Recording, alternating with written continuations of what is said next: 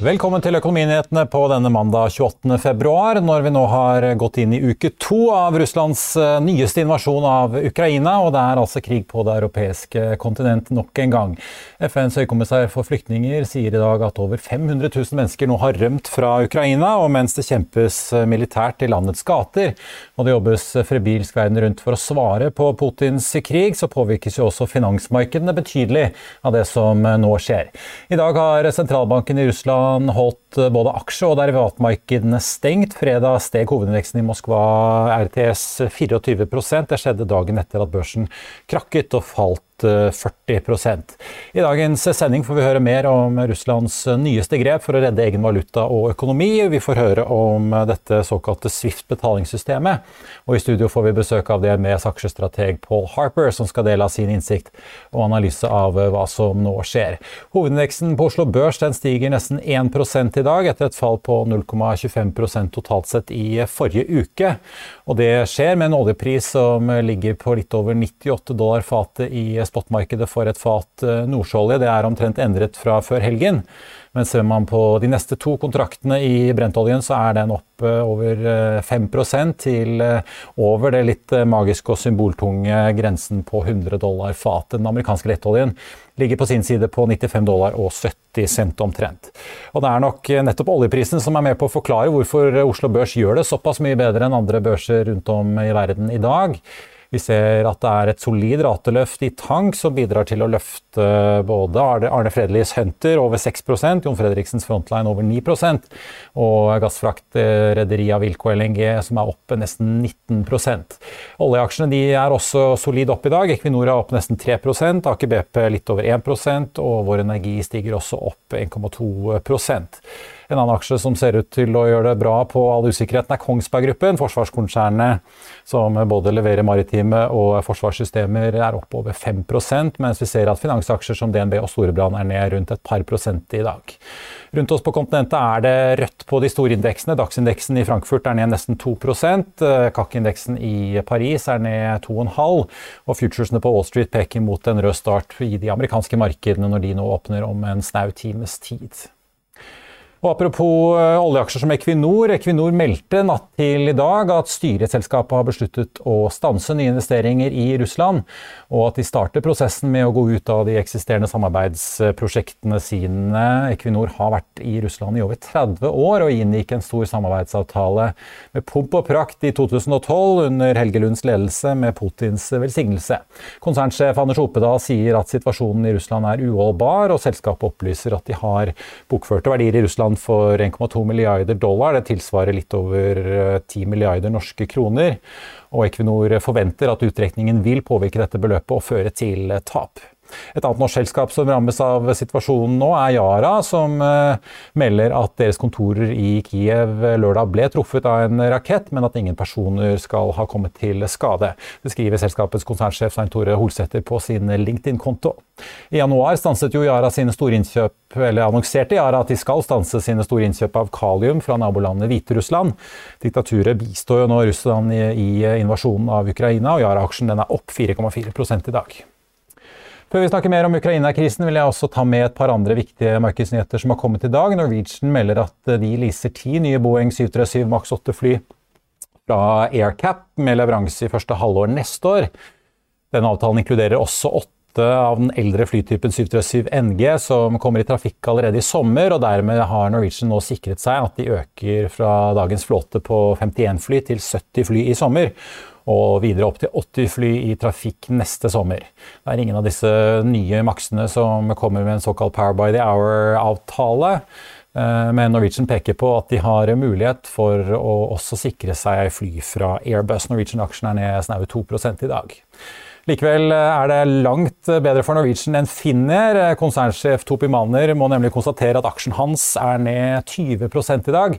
Finner har nå måttet trekke guidingen sin for 2022, eh, og konsernsjefen sier at de fleste både passasjer- og cargoflyvning til selskapet ikke lenger er konkurransedyktige, nå som Russland ser ut til å stenge sitt luftrom for vestlige flyselskaper, slik både EU og USA har gjort for russiske flyselskaper.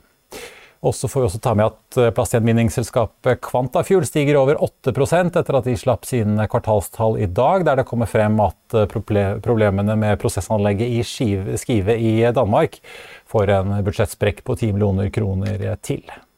Før vi går videre i sendingen, husk at du også kan se sendingene våre ved å gå inn på fano-tv, og at vi også har andre podkaster enn bare Økonominyhetene, som Morgenkaffen, Gründerpodkasten Veien hit, Ukens vintips, Kunstpraten og bilpodkasten Mil etter mil. De finner du ved å søke Finansavisen, der du hører på podkast. I'll see you in court. Vi sier det ofte litt på spøk men for deg som driver business, er det aldri moro å innse at du ikke har laget en 100% gyldig kontrakt. Du bør ikke risikere hele firmaet ditt fordi du synes dette med kontrakter er litt stress. En avtale er ikke en avtale. Du kan miste kunder, miste venner, ja, til og med miste inntekter om du ikke lager en skikkelig kontrakt, på alt mulig, egentlig. Men vi vet det er et styr. Kopimaskiner, tregprinter og haugevis av papir. Dessuten stoler vi jo på folk her i landet. Det er ofte litt kleint å skulle be om en signatur for alt mulig, ja, for mye av styret handler også om jakten på underskriften. Det finnes en enkel måte å løse dette på, Dukkobit, en trygg, effektiv og get this, gratis måte å sikre seg en god natts søvn pluss en juridisk bindende avtale. Dukkobit-appen har de strengeste sikkerhetskrav i bunn, samt en EU-godkjent og sertifisert teknologi. Framover vil det bli behagelig å spørre du, skal vi skrive under på det, eller? Kom i gang på dokobit.no. Nå skal vi tilbake til Russland, for Russlands invasjon har allerede blitt møtt av vestlige sanksjoner og reaksjoner, og det finansielle nettet strammes stadig til rundt landet. I tillegg til at flere russiske banker nå kastes ut av betalingssystemet Swift, og det norske oljefondet melder at de skal ut av Russland så er det verdt å merke seg at Kina også nå har kommet på banen. Putins viktige partner i Østen og storkunde av olje og gass har via sitt utenriksdepartement i dag bedt partene trappe ned og finne en politisk løsning. Bloomberg melder også at flere statlige banker i Kina begrenser finansieringen eh, av kjøp av råmaterialer fra Russland av frykt for å bli rammet av sanksjoner selv. I tillegg til at andre land tar grep mot Russland, har landet selv også nå grep. I tillegg til å innføre kapitalkontroll har sentralbanken skrudd renten kraftig opp i dag. Vi tok en prat med kollega Ara Haram for å høre hva som skjer. Redaksjonssjef Are Haram, nå ser vi russiske banker falle kraftig på London-børsen, men hjemme i Russland så tas også kraftige grep. De øker eh, styringsrenten, altså den russiske sentralbanken, fra 9,5 til 20% Hva er det de prøver å gjøre nå? De forsøker å stemme, dempe fallet i rubelkursen. Det, det, de slet i forrige uke og prøvde å intervenere, det hjalp ikke. Det, I dag morges, etter at eh, de tillot at handelen åpnet, så stupte kursen mer enn 20 så da, Hvis du hever renten, så er tanken at da får man bedre betalt for å kjøpe rubler, men eh, til nå er de ikke i nærheten av å lykkes. Kan det komme mer? Ja, det er helt klart. Altså, dette er jo høyt. For, for, oss, for de som er unge, så er dette veldig høyt. Men uh, i Norge hadde jo uh, styringsrente på 25% på 90-tallet og 50% på 80-tallet. Og det var en situasjon som ikke var krig, hvor ikke krona var i fritt fall. Uh, rubelen er i fritt fall. De får ikke handla i praksis med omverdenen. Uh, intervensjonene ble stanset. Det er kort og godt ingen grunn til å kjøpe rubler, og da må du ha veldig veldig mye bedre betalt for å gidde å sitte i rubler som et finansielt instrument. I tillegg til at uh, kursen er i fritt fall, så ser vi også at uh, nå begynner de å stenge betalingssystemet Swift. Og den russiske sentralbanken annonserte at de vil ikke la aksjemeglere selge verdipapirer på vegne av utlendinger, noe som betyr at oljefondet ikke får solgt sine russiske aksjer. Stopper hele måte, finansielle systemet opp nå for eh, Russland? Det ser sånn ut, eh, men det er antageligvis noen eh, smutthull. Det ligger an til at de skal få lov til å fortsette å eksportere olje og gass. Og I Swift-systemet så spør man ikke hva som er eh, bakenforliggende årsak til handelen, bare hvem som er partene. Så Man kan helt sikkert kamuflere annen handel som en del av olje- og gasseksport. og Det vil alltid være smutthull. Men formålet er å rett og slett fryse ned russisk økonomi maksimalt. Og de kom, har kommet ganske langt på veldig kort tid. Til slutt, eh, Er de norske investeringene i Russland ansett som uh, tapt og null i verdi nå, eller hva kan vi egentlig si? Jeg vet jeg ikke. Det er, det var jo opp, er gjerne oppgjør etter eh, krigssituasjoner hvor, hvor, investorer krever å få tilbake sitt. Eh, og Verdien er ikke nullet, det er bare salgsadgangen som er nullet. så det, Alt kan skje. Men for Norge så er dette småpenger. tross alt. Det er 25 milliarder. 0,3% av oljefondets beholdning. Det er en symbolsk handling. Da skal vi over til eh, dagens eh, gjest. og Vi har jo sett den siste tiden at vi har hatt en vridning i markedet fra vekst til verdiaksjer. Men nå får vi kanskje en ny vridning, nemlig over til defensive aksjer. Kanskje på Harper aksjestrateg i DNB Markets. Velkommen til oss. Tusen takk. Du spår i hvert fall at det kanskje kan være enda en ny vridning på gang. Forklar litt hvorfor du tror det skjer. Altså Vekstaksjer er jo klassiske sånn grønne teknologiaksjer som vi ser har falt veldig mye det siste året. Og ja, litt mer sånn trauste ting som eh, Hydro har jo gått som en kule. Hva er det vi kommer til å se nå, da?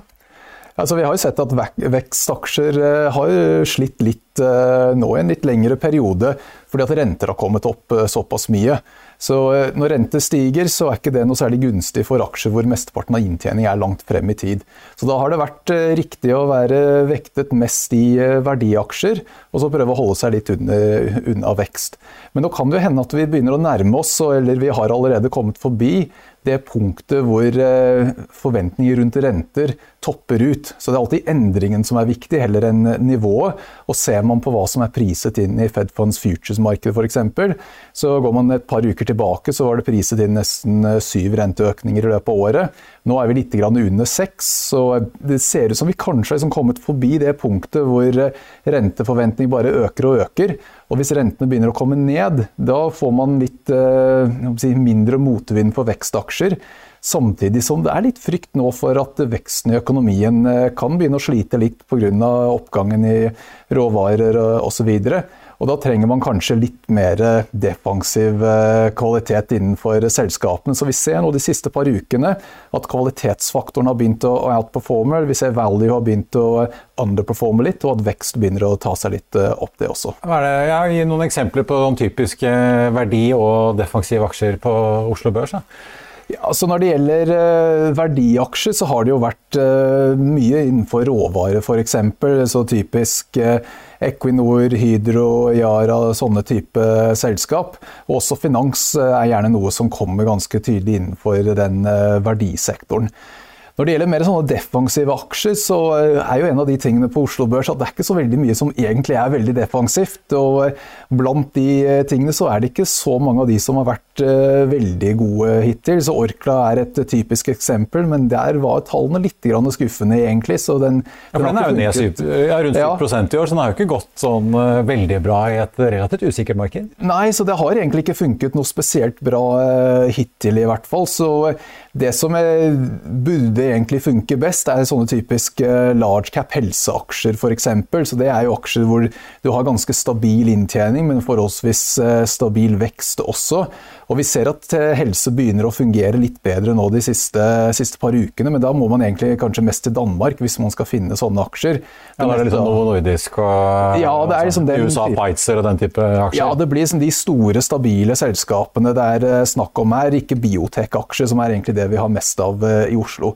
Så Oslo liksom sliter litt med å finne noen sånne gode defensive aksjer. Det er ikke voldsomt mye å velge mellom, og de vi har der, har ikke egentlig levert noe spesielt bra den siste Nei, for det er jo Orkla. Man skulle jo tro folk folk kjøpte Grandiosa og Zalo og sønn oppvaskmiddel uansett uh, hvordan uh, det gikk, men de er jo ned 7 Telenor er vel også en sånn klassisk uh, defensiv aksje, men de er også ned nesten 7 så langt i år? Ja, så det, det, har jo ikke egentlig fungert noe spesielt bra, men jeg tror ikke det er fordi at uh, faktoren uh, ikke, ikke, fungerer, er mer at de enkeltselskapene ikke helt uh, leverer. Så begge to hadde litt skuffende Q4-tall. Og så er det jo egentlig snakk om at denne vridningen nå er egentlig først nå den siste uken, halvannen det er snakk om her. Så det at det ikke har fungert frem til nå, er ikke egentlig det, det viktige poenget her. Det er at det skal begynne å fungere litt bedre fra nå av. Denne invasjonen i Ukraina, altså hvordan påvirker den det bildet nå? Er det sånn at det fører til at uh, markedet kanskje tror at det ikke blir så mye renteøkninger likevel, fordi sentralbankene må, må, holde litt igjen av de planene de hadde om renteøkninger, hvis det nå blir sånn at uh, det blir veldig mye uro, råvareprisene går opp og inflasjonen uh, Altså, inflasjonen går kanskje opp, men likevel at, at den krigssituasjonen gjør at man må stimulere økonomien litt for å holde hjulene i gang? Ja, det er liksom litt, en sånn vanskelig balansegang her. For som du sier, så trekker egentlig dette her eh, inflasjon opp heller enn ned. Så sentralbanken har egentlig ikke muligheten til å gjøre noen store endringer. Men som du sier, det er jo litt eh, sånn at dette er jo ikke noe positivt for eh, veksten i økonomien. Så vi ser f.eks. marskontrakten for Fed Funds Futures nå. Det priset inn nesten to korting økninger, men nå er det tilbake til å være egentlig bare så vidt én kvarting. Så sånn sett så priser man fortsatt inn renteoppgang, men ikke like aggressivt som det som eh, ble lagt til grunn for noen uker siden. Så jeg, jeg tror ikke de egentlig har mulighet for å backe helt ut av, av dette her, men eh, det er ikke da det samme frykten kanskje for at uh, inflasjonen skal komme helt ut av kontroll. Råvarepriser blir en litt mer sånn midlertidig effekt. For da blir det den endringen år over år. Så når prisene først har gått opp én gang, så må det gå opp tilsvarende året etter også, hvis det skal fortsette å få en uh, inflatorisk effekt. Så vi ser ikke at inflasjonen har påvirket prisene når du ser to og tre år frem i tid på, på inflasjon. Så du kan beregne hva markedet egentlig priser inn av inflasjon ved å se på forskjellen på de nominelle rentene og det de kaller tipsrenten, så det er realrenten. Og Der ser vi at det har kommet litt opp nå første, de neste tolv månedene. Men ser du to og tre år frem i tid, så er det ikke den samme endringen der. Så markedet tror egentlig at dette er midlertidige effekter, og da blir det heller ikke det samme presset på Fed til å sette renten opp veldig kraftig. Nå er du i den leiren som tror at vi kan få stagflasjon eh, nå, da? Altså inflasjon kombinert med avtagende vekst? Ja, Risikoen for det er absolutt eh, større enn det var eh, tidligere. Så alt annet likt, så er inflasjonsforventning på kort sikt litt høyere. Og vekstforventning antageligvis litt lavere. Så det går mer i den retningen. Um, om man skal si at det er stagflasjon i type 70-tallsstil, er kanskje å trekke det litt langt, sånn som det ser ut akkurat nå. Men man kan absolutt ikke utelukke dette her. Det er jo enkelte ting som begynner å ligne litt eh, på 70-tallet. hva, gjør, ja, hva gjør det med markedet? Altså, man, eh, hvor kan man søke dekning eh, da, da, med økende priser og avtagende vekst? Da er det vel lite fress i Grandiosa-salget og råvarekosten inn til Orkla øker også, hvis man kan bruke det som eksempel? Ja, altså Det er jo ikke noe spesielt gunstig for noen, så det er spørsmål om hvem det er si, minst, minst skadelig for. Så råvarer var jo en av de tingene som fungerte ganske bra gjennom 70-tallet. Eh, så når vi sier at vi tror kanskje det går litt mer i favør kvalitet eh, nå, så, så, tror jeg ikke man skal liksom legge helt fra seg at uh, verdi fortsatt skal gjøre det bedre enn en vekst. Så jeg tror på lengre sikt så er det fortsatt uh, foretrekke verdi, men da blir det mest i form av energi- og råvarerelaterte aksjer som kan klare seg forholdsvis bra med, med inflasjon. Eh, dere har en ukesportefølje i DNB Markets eh, hvor dere har aksjer som altså Yara, Aker BP, Equinor, apropos eh, olje og råvarer. Dere har Sparebanken NS her. Dere har jo Orkla og Nordic Semi. Dere har tatt ut B2 Holding, dette finanskonsernet, og tatt inn Grieg Seafood. Hvorfor det? Altså B2 Holdings har liksom skuffet litt. Det har ikke vært noe katastrofe, men var, tallene var litt dårligere enn ventet. Så en av de faktorene vi ser på i porteføljen, er at vi har noen sånne kvantscreeninger hvor vi sorterer på hvilke selskap har hatt best estimatjusteringer, best kursmomentum, ser mest attraktivt på verdivurdering osv. Og så spytter det ut en, en, rangering. Og B2 var en av de aksjene som rangerte ganske høyt for en, en liten stund tilbake. For det har ganske lav prising, forholdsvis bra kursmomentum, og eh, samtidig så hadde estimatene kommet litt opp gjennom eh, fjoråret. Men når de da har skuffet litt i det siste, så har de falt nedover på den eh, rangeringen. Så da har vi valgt nå å ta de eh, ut. Eh, Grieg Seafood kommer inn med at vi har jo vært undervektet sjømat nå de siste to ukene. Så vi hadde en overvektig sjømat frem til rapporteringssesongen. Og så valgte vi å ta ut fisk den uken de skulle rapportere, bare for å egentlig unngå den rapporteringsrisikoen. Ja. Så det er seg, veldig høye laksepriser om dagen. Ja, altså det er jo det at uh, Lakseprisene har jo gitt en veldig bra oppgang for sektoren generelt. Men vi var liksom litt redd for at når kursen hadde gått bra i forkant av tallene, så var liksom en liten skuffelse ville kanskje være nok til å få sette press på, på aksjekursen. Og Vi så det i Bakkafrost f.eks. Så vi tok det ut av litt mer sånn å være forsiktig i forkant av tallene. Nå er jo tallene forbi, og vi ser at uh, Grieg hadde ganske bra tall. Der har man egentlig litt det motsatte av B2 Holdings. Da oppjustering i estimatene, fortsatt bra kursmomentum, fortsatt uh, attraktiv prising. Så vi velger å ta den inn. Og med én eh, sjømataksje så blir det egentlig tilsvarende en slags nøytral vekt i sektoren. Så det var egentlig et større bedt å ikke ha noe sjømat enn å ha det. Så du kan si at akkurat nå, så fordi det er så mye usikkerhet, så velger vi egentlig ikke å ta de veldig store veddemålene på sektor. Og det er liksom om å gjøre å plukke de favorittaksjene innenfor hvert segment nå. Ja, og dere har Valenius Wilhelmsen, eh, logistikk- og bilfraktrederi også. De har jo, den aksjen har gått som en kule. Ja, vi hadde litt uh, flaks kan du si der. At jeg uh, tok den inn akkurat uh, før den begynte virkelig å, virke gå, å gå. Så du kan si at det er kanskje det veddemålet som er utenom liksom, de vanlige sektorbettene her. Så vi liker gjerne å prøve å ha én eller to case som er litt mer sånn standalone-logikk, hvor det er noe som vi liker fra et sånn bottom up-perspektiv. Noe som vi tror kan levere bra, utenom at det er egentlig et makrobett innbakt i det på samme måte. Så da var liksom B2 og, eh, og Valenius Williamsen liksom de to bettene innenfor eh, det. Um, men vi er egentlig ganske fornøyd med utvikling i, i Valenius eh, Wilhelmsen. Så vi beholder ting frem til det slutter å funke, og så langt så har den fungert veldig bra.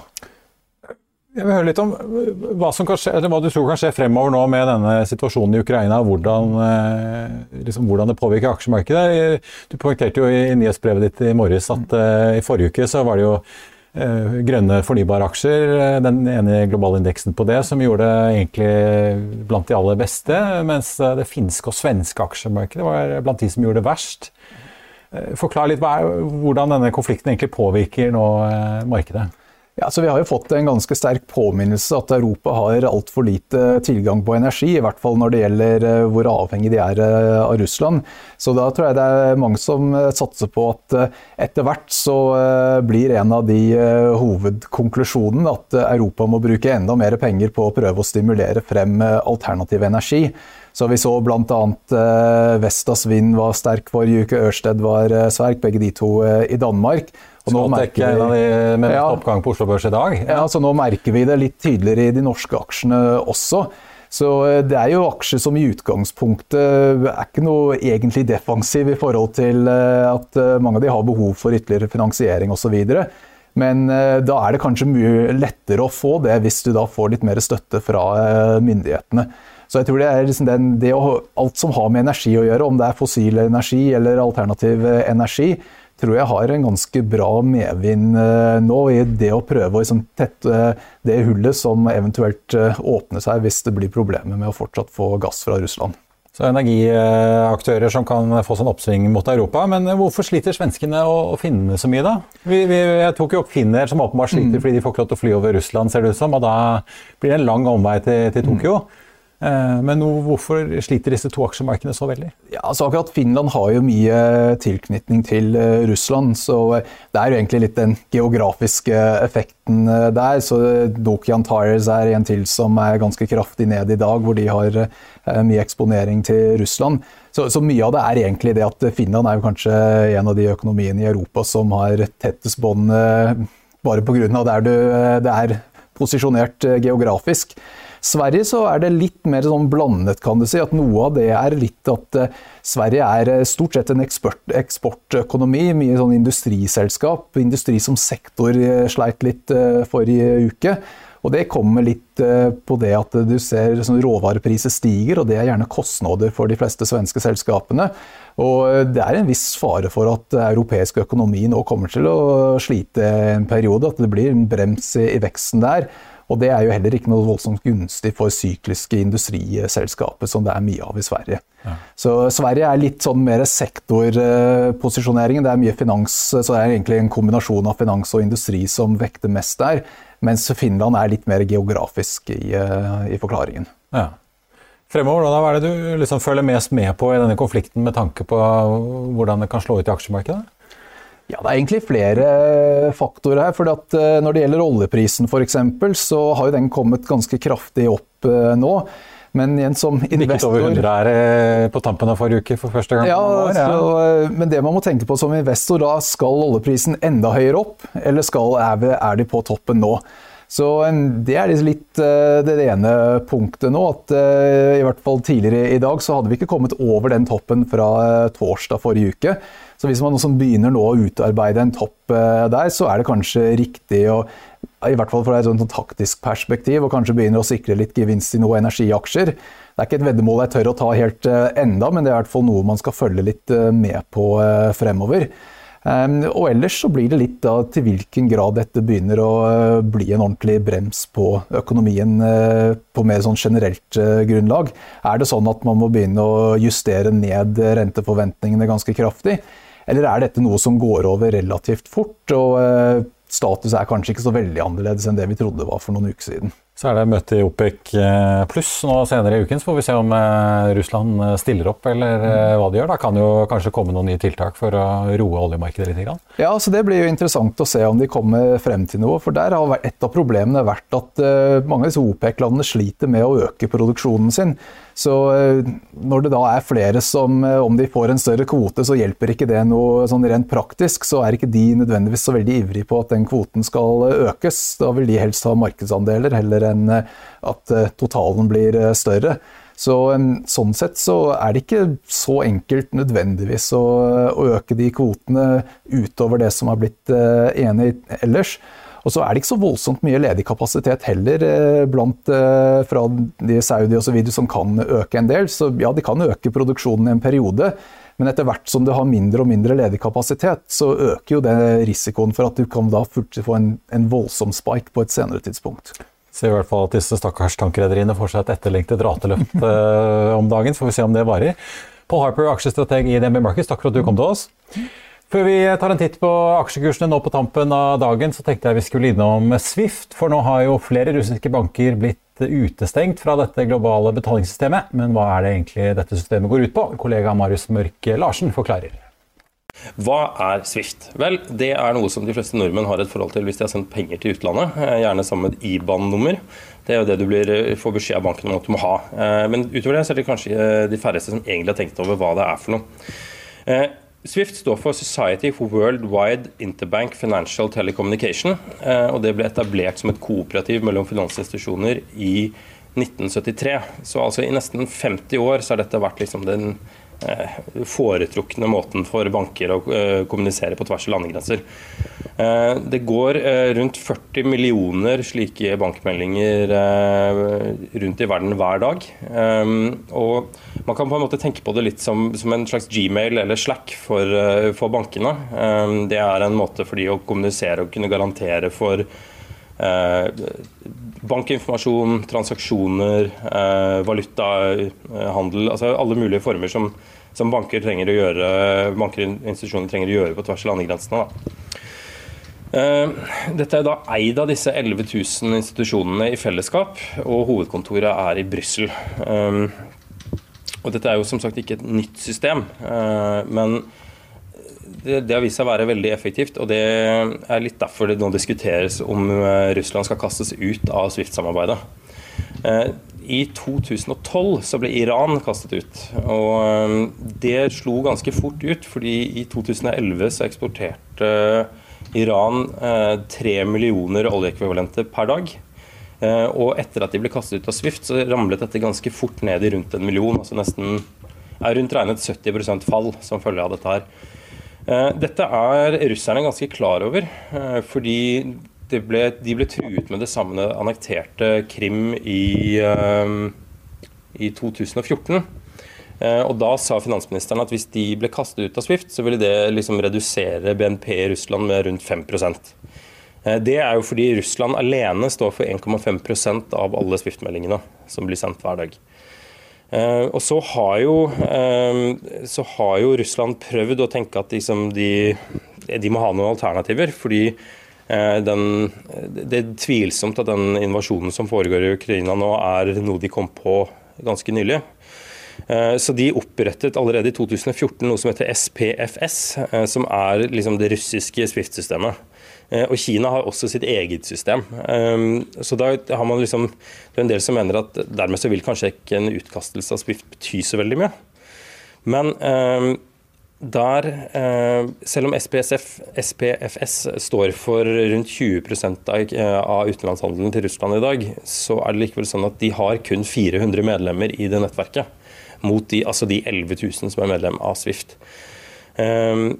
Og Dermed så er det liksom lett å anta at dette kan bli ganske tungt for Russland å håndtere. Eh, motstanden går igjen på den andre siden ved at eh, 40% av gassen i Europa er kjøpt fra Russland, og håndteres dermed som oftest gjennom Swift-systemet. Da tenkte jeg vi skulle ta en titt på markedet nå på tampen av eh, dagen. Hovedindeksen er opp 0,5 eh, og har dermed mistet litt av farten vi så litt tidligere i dag. Men det er jo da rødt rundt oss stort sett på alle indeksene i Europa, unntatt i København, hvor indeksen på Nasdaq i København er opp 1,8% Ser vi på da, aksjene her hjemme, så er det Equinor som er mest omsatt, ligger opp nesten 2% og får følge av Vår Energi, som er opp 2,4% nå, mens Aker BP har fått litt tilbake ned 0,4% på en oljepris som er på 98 dollar og 40 cent eh, akkurat nå. Vi nevnte jo Finner tidligere i sendingen. Det finske flyselskapet sliter tungt, er ned 22% etter at de nå varsler nye grep og en de må droppe guidingen sin som følge av at de da ikke ser ut til å få fly over Russland til Asia på rutene sine. Så snakket vi om eh, defensive aksjer eh, tidligere i dag. Eh, se på bl.a. Kongsberg Gruppen og Orkla. Kongsberg Gruppen er opp 4% i dag. Orkla sliter litt, ned 0,2% mens både Telenor er ned 1,1% og så har vi jo da altså fornybaraksjen Scatec som er opp 5,8% som da kan skyldes at man rett og slett tror det blir mer fart i fornybarutbyggingen i Europa fremover. I Finansavisen i morgen kan du lese Trygve Egnars leder om oljefondets problemer i Russland, og at noen politikere ikke helt ser ut til å forstå hva aksjekjøp og salg er for noe. Du kan lese om gigantoverskuddet i Yinhui Shipping og milliardsalg av Stressless hos Ekornes. Det var det vi hadde for i dag, men vi er tilbake i morgen klokken 14.30. I mellomtiden får du som alltid siste nytt på fa.no. Mitt navn er Marius Lorentzen. Takk for at du så på, og så håper jeg vi ses igjen i morgen.